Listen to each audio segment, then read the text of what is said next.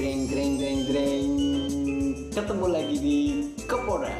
Kena podcast Begara Podcastnya orang-orang kurang kerjaan yeah. Hei, teman-teman kita ketemu lagi di podcast Kepodan. Yang bahasnya ngawur sebenarnya macam-macam nggak nggak nggak satu tema cuma kali ini kita bahas ke tema psikologi. Karena ini bersambung jadi kita nggak mau bahas yang lain dulu jadi kita mau selesai ini setelah ini kita bahas eh, fase lima tahap kesedihannya teorinya Kub- Kubler-Ross yang sebelumnya ada fase menolak, marah, menawar. Sebenarnya tiga fase itu kecenderungannya adalah ini peperangan batin.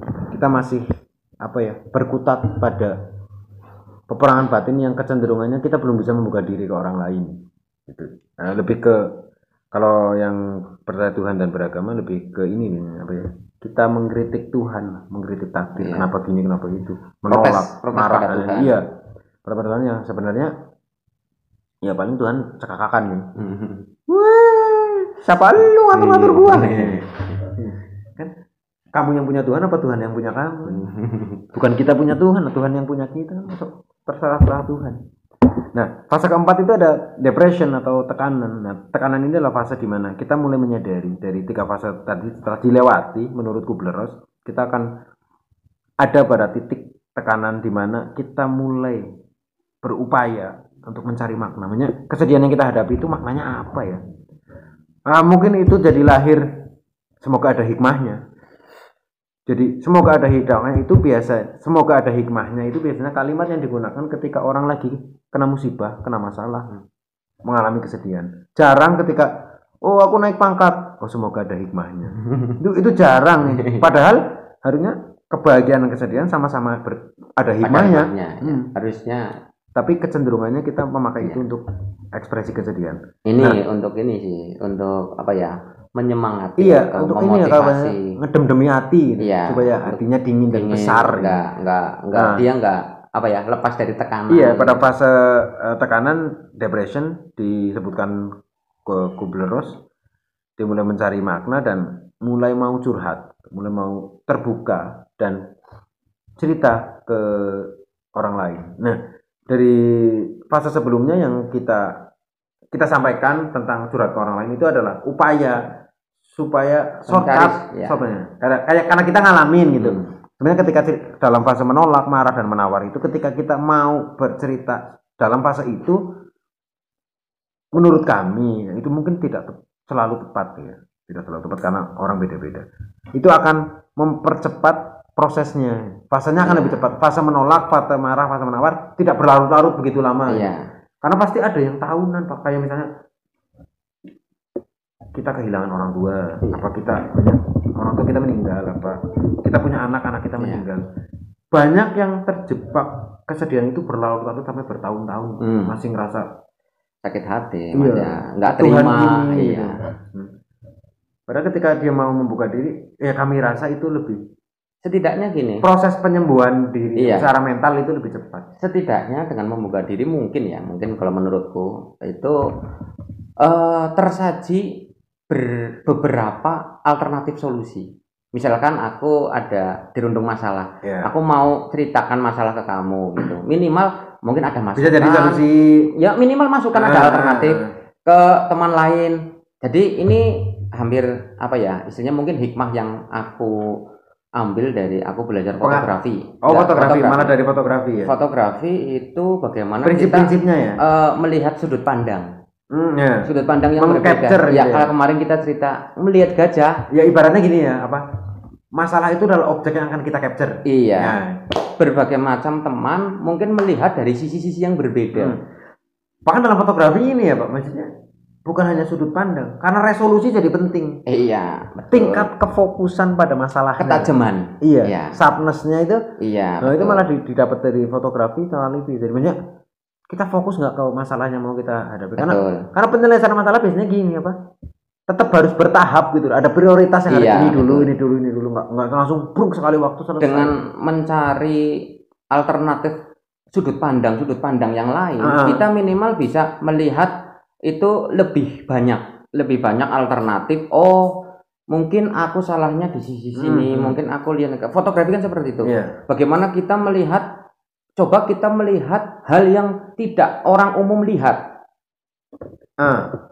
Eh, yang biasanya orang eh, melihat kan rata-rata mata saja. Oh iya, lurus gitu. Ya, coba kita motret Lu- dari bawah. Lurus pun misalnya paling melingkar gitu ya. Iya, Tapi, tapi rata mata. rata mata gitu. Coba kita naik lebih atas untuk melihat objek yang ada berarti objeknya di bawah kita. Hmm. Seperti apa objek itu? Hmm. Kita motret dari bawah. Seperti apa objek yang berada di atas kita? Kita dari samping, dari mana, dari mana. Nah, itu akan memperbanyak gambaran kita akan sebuah objek. Katakan objek itu adalah masalah.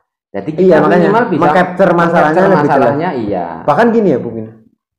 Kalau orang yang pakai tele, dia bisa fokus dalam jarak masalah yang jauh. Ibaratnya tele itu adalah berarti kan mata pandang kita terhadap masalah Iya, itu. Dan itu pikiran. Mungkin fokusnya oke, tapi tele itu tidak lebar, Iya. tidak banyak yang tercapture, Nah. tidak banyak. Mungkin akan lebih sangat detail ya, Hmm, hmm. tapi tidak banyak hal lain yang kita lihat. Iya, mungkin pada masalah tertutup kita bisa pakai tele. Mungkin Iya. pada masalah yang lebih besar Betul. kita harus pakai lensa fix. Iya. Ibaratnya gitu ya. Iya, kita menggunakan berbagai macam sudut pandang, berbagai macam jenis lensa untuk kebutuhan yang berbeda. Iya, karena problemnya gini kan, masalah kan udah terjadi. Artinya kadang yang dimaksud mata apa ya? Bagaimana cara kita melihat masalah? Itu kan sebenarnya bukan melihat dengan mata ini. Iya. Karena masalahnya udah selesai. Udah udah iya. udah kejadian sudah, gitu. sudah lewat. Iya. Katakanlah apa ya kita itu Ah, ditolak kerja iya. gitu misalnya. Kan masalahnya udah kejadian. Yang jadi masalah sebetulnya akibat dari adanya persoalan itu. Kalau enggak ini lebih ke ini apa mudahnya. Respon kita terhadap masalah yang terjadi. Iya, misalkan, misalkan dengan kita, misalkan aku membangun bisnis, Hmm. aku mengeluarkan uang sekian puluh juta, Hmm. ternyata bisnisku gagal. Iya. Ini kan sudah lewat. Masalahnya adalah Iya. bisnisku gagal, aku bangkrut. Efek dari aku bangkrut atau eh, dampak ya, dampaknya adalah aku jadi nggak punya uang, tapi aku punya keluarga misalkan. Iya. Kan permasalahannya Makanya- sebetulnya di situ. Iya, jadi ya bagaimana caramu melihat masalah? Nah, melihat kata melihat itu tidak di- mengasosiasikan mata sebenarnya, Iya. tapi melihat lebih ke pikiran, dengan cara pandang pikir, mindset. Iya. Makanya di di eh, fase depresi itu merasa tertekan adalah dia mulai merasa bangkit untuk usaha mencari makna. Itu penting. Banyak maknanya apa ini dari masalah ini? Apa Iya. yang bisa kita petik dari refleksi diri Hmm. gitu. Ini bercermin gitu Iya. kita berupaya introspeksi ini gimana masalahnya kenapa ini bisa terjadi ini nah ketika itu bisa kita apa ya kita sintesiskan itu kita tarik kita akan tahu ketika ke depan ada potensi masalah serupa kita bisa hindari itu Iya, betul. Ada karena kita ada tahu variabel-variabelnya Ya, itu mungkin yang disebut hikmah ya. Hikmah Iya. kita kita ada petikan pelajaran tertentu Iya, untuk supaya kita tidak terjadi lagi. jadi nggak nggak jadi kedelai keledai Iya. jatuh ke lubang yang sama itu pun ketika kita masih punya apa kita punya upaya untuk mencari makna mencari hikmah potensi jatuh ke lubang yang sama tetap ada Iya. apalagi yang enggak gitu Iya. banyak yang enggak berupaya mencari hikmah Betul. apa masih berkutat dengan penolakan marang tuh malah kekhawatiran dan masih berkutat Iya. dengan peperangan dalam batin Batin. ya. itu malah malah apa ya makin beresiko tapi bagi teman-teman yang malah sedang mengalami apa temannya ada yang kayak gitu ya tetap di- setidaknya Support. ditemani Ya, mau bisa ngasih support. solusi seenggaknya ditemani Iya. bahwa dia nggak ngerasa sendiri Ya seperti aku ya. Aku setidaknya itu sih kadang ada teman, ada permasalahan. Aku lebih banyak mungkin sebagian besar ya aku hanya menemani, tidak tidak terus Iya. aku memberi solusi itu tidak. Solusinya rata-rata juga ada di diri mereka, diri mereka masing-masing. Bagaimana akhirnya mereka merespon dan bersikap. Iya Bersikap seperti apa akhirnya lah. Iya. Arti, arti, arti- artinya apa ya? ya? ya, apa? Ya kayak tadi yang sudah kita omongkan dalam fase menawar gitu. Artinya ada rentang jarak bahasa. Iya. Ketika kita nyamain sesuatu ada bias kadang Hmm. salah persepsi dan lain-lain. Iya. Walaupun mungkin tidak jauh gitu, tapi rentang itu tetap ada. Makanya apa yang kita ucapkan sebenarnya tidak per- tidak akurat apa yang mereka terima. Iya. Jadi biasanya yang paling efektif penyelesaiannya adalah mereka yang tahu Iya. apa pada akhirnya gitu apa gini aja ya Nah, dia malah keluar dari Iya. si si si orang yang punya masalah itu Nah, kita cuman menemani dia menggali menggali, kembali lebih dalam lebih dalam. Oh, atau kayak gini, kayak gini. kita jadi orang yang bisa brainstorming kayak misalnya Hmm. aku bangkrut Kalau kita aja sama-sama nggak punya duit, iya kita mau bantu gimana? Iya. Aku bangkrut nih terus. Nah, terus ya gini gini gini gini. Biasanya kayak apa lawan bicara yang ini malah tidak menghargai tapi nah kalau kayak gitu menurutmu gimana? Malah lebih ke brainstorming loh. iya Lebih ke tektokan. Menurutmu gimana ini? Lo kalau ini kayaknya jadi gini gini gini. Oh iya iya bener. Nah, berarti ada solusi lain nggak? Nah, malah ini malah malah membuka itu ruang diskusi ya membuka ruang diskusi jadi Hmm. sebenarnya yang punya masalah itu dia sudah punya solusinya. iya cuman Cuma mungkin terkadang- belum yakin Ya karena ada bimbang gitu ya di jadi ada apa ya bimbang bimbang, kebimbangan ada iya. ketakutan, ada Iya. Iya, karena ketakutan kaget, itu. karena kadang dia sudah tahu solusinya, cuma kadang dia butuh orang lain untuk apa? Untuk meyakinkan Meyakinkan. pak. Kayak itu tadi apa? Misalnya ada uh, supir sama kenet, kenet ya Iya. betul supirnya udah tahu ini ini bisa nyalip gitu Hmm. dengan dengan keadaan segini ada mobil dengan jarak sekian, ini bisa nyalip. Tapi kenet memastikan tapi- meyakinkan tapi ya dia ha- masih harus perlu nanya kenetnya misalnya kenetnya ini bisa nggak ambil ya Iya. Nah, kadang orang cuma butuh keyakinan iya itu iya. Di- ya berarti fungsi support ya supporter. Supporting supporting. Hmm. yang kadang kesannya itu ti- apa ya tidak bermakna sepele gitu. Iya. padahal menurutku enggak. Kayak kayak misalnya apa eh, aku bisa nggak ya? Kayak gitu doang kamu pasti bisa. Seolah kayak gitu doang Hmm. tapi itu bisa sangat melibat gandakan kepercayaan diri bahwa, bahwa dia mampu menghadapi. Iya walaupun kadang ya tidak selalu dengan hal yang serupa. Terutama gini anak-anak yang sudah pada fase depresi. Fase depresi itu adalah fase yang ketika mereka dibilangin ayo kamu pasti bisa menyelesaikan depresimu. Mereka malah makin depresi. Iya. Mereka dalam fase itu kalau teman makanya itu ya kita harus tepat gitu Iya, mengukur betul. teman kita keadaannya. Sudah sampai tahap depresi apa belum? Kalau depre- depresi bukan bukan pada fase ini ya. Iya. depresi pada ini itu depresi yang masih terkontrol. Dalam arti depresi yang kita ucapkan sekarang adalah depresi penyakit. De- orang yang menghadapi masalah sudah sampai ke tahap mental illness. Dia Hmm. sudah malah jadi nggak punya semangat hidup. Iya betul.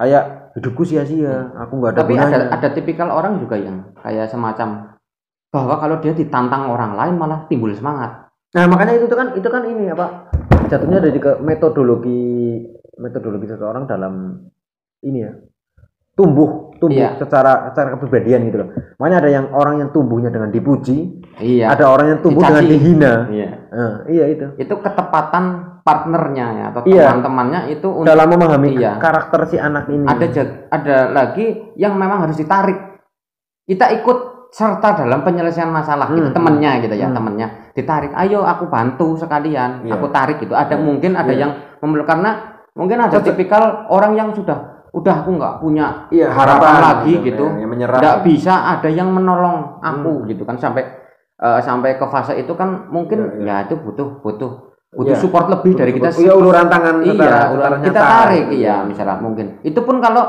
ya Iya, dia membuka diri untuk mau iya, ditolong. iya karena bisa jadi ya, ap- uh, kita pengen nolong tapi dia nggak mau malah Iya. bisa jadi masalah baru karena gini kadang kita sering salah sangka sebagai orang yang ini pengen nolong. Terkadang kita pengen nolong itu bukan karena orang lain butuh Hmm. tapi karena kita pengen bantu. Iya. Padahal kadang sering tidak tepat karena yang kita bantu bukan yang orang lain butuh. Iya. Kadang yang- maksudnya baik tapi tidak iya tepat. betul betul. Akhirnya karena jadi jeleknya malah loh maksudku baik kok kamu kayak gitu? Iya. Ya karena saling salah sangka. Iya, karena tidak ketemu kebaikanmu dengan apa yang dia butuhkan. Kayak misalnya dia lapar, Hmm. dan solusimu ngasih motivasi. Hmm. Ayo kamu bisa kenyang. Ya enggak Iya. enggak enggak kenyang. Hmm. Solus, solusinya orang lapar makan. Nah, itu ketepatan itu loh. Nah, kita membantu karena kita lebih apa kita membantu karena orang lain butuh. Itu beda. iya Nah, kita bisa kita punya uang 10.000 ribu kita bantu orang lain 2000 padahal orang itu tidak butuh uang Hmm. orang itu orang itu butuh minum misalnya. Nah itu kan ketepatan. Nah membantu itu kan se- menurutku juga ya itu tergantung apa yang orang lain butuhkan. Makanya diskusi jadi penting. Identifikasi masalah dulu. Hmm. Sebenarnya orang itu butuh apa. Baru kita bisa sajikan pertolongan. Walaupun mungkin kita nggak punya air, tapi kita bisa bantu nyari. nyari nyari barang yuk Iya. It- Kan tidak tentu kita lagi lebih air. iya sebenarnya. betul Nah itu. kita bisa menyalurkan ke itu titik-titik kadang. yang ada air gitu Iya, nah itu kadang kita kurang tepat menurutku ya di sana. Dan aku ngalamin kadang Iya. sok-sokan ngerasa membantu pak. Hmm. Dan efeknya adalah kita ngerasa berjasa. Nah, Itu efek apa ya? Kini ini narsisme yang bangsat sekali itu. Pak. Ada maksudnya seolah-olah kita berguna Pak. Iya. Ya, kita seorang orang paling oh layak masuk surga pak Iya. dengan kayak gitu doang gitu misalnya rasa itu rasa apa ya rasa sudah membantu Hmm. teman itu kalau bukan gara-gara saya Hmm. dia sudah terjerumus hidupnya ke lubang gelap Tapi paling nggak enak ada kita diapit di antara dua permasalahan dilematis dilematis. Gini misalkan kita satu satu kondisi ya gitu ya satu kondisi ada dua orang yang bermasalah kita dicurhatin dua-duanya. oh iya dengan versi berbeda biasanya Iya jelas, jelas. Iya kan? Dia merasa benar di sisi ini. Iya. Dia merasa benar di sisi ini. iya karena pada ini kan naluri manusia tidak ada yang pengen tampak salah Minimal dia pengen dapat dukungan. Iya.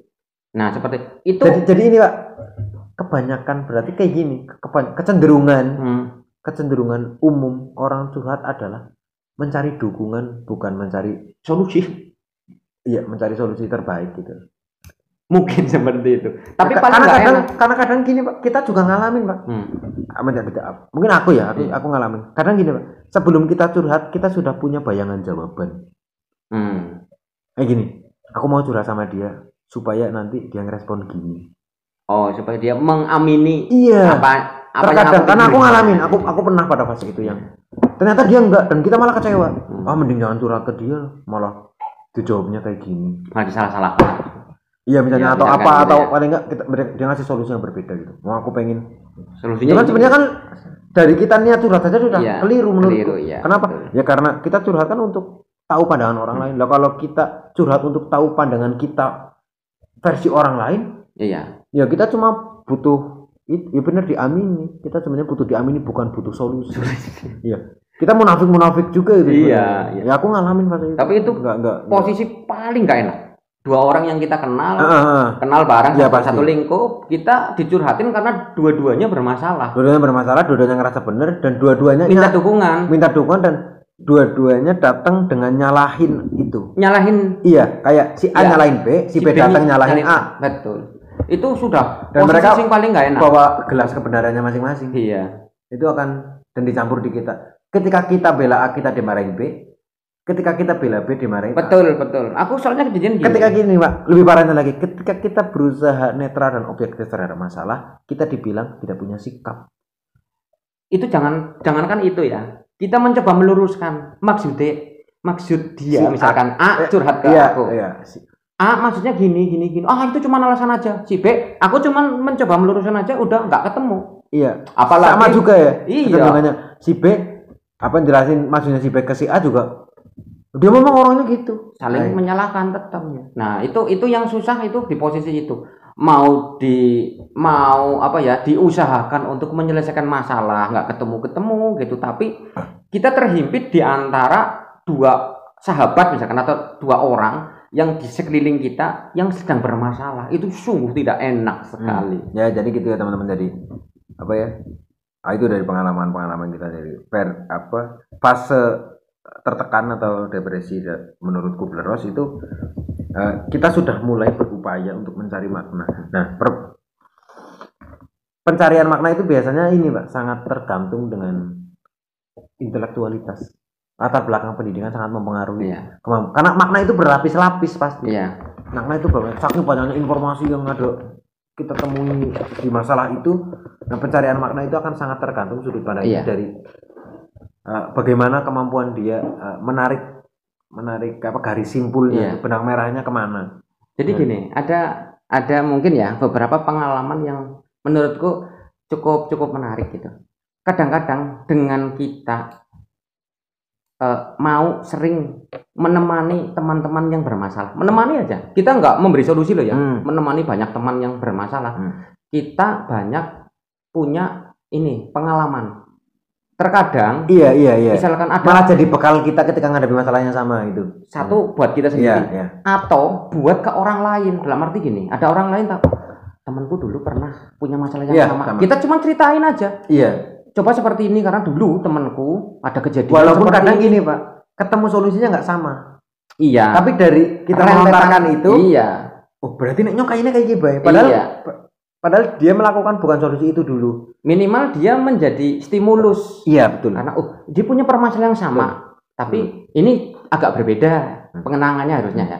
Dia menjadi stimulus untuk itu. Nah, aku curiga kadang-kadang yang yang yang mungkin ya kayak orang-orang disebut uh, orang pinter apa-apa. Dia cuman sering banyak curhatan orang lain aja disampaikan ke pasien-pasiennya.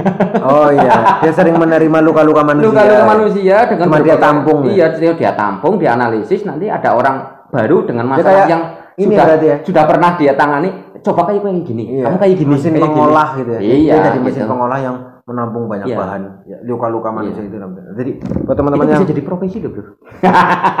buat teman-teman yang rasa tertekan atau temennya atau saudaranya atau apa dan tahu itu sedang terjadi ke mereka ya menurut kami ya sebaiknya buka diri buat jadi tempat cerita apa tempat curhat kalau teman-teman yang lagi yang tertekan ya meluangkan diri untuk mau curhat atau cerita dengan memilih orang yang tepat tepat memilih orang yang tepat. Nah terserah standar tepat menurut kalian mungkin beda-beda. Jadi kita nggak bisa eh, pukul rata gitu. jadi yang kalian ngerasa nyaman setidaknya informasi itu aman setidaknya itu. Ya. jadi kalian ngerasa nyaman nguapin. Nah itu sih dari dari analisa ngawur kami dan terima kasih. Sampai ketemu di episode selanjutnya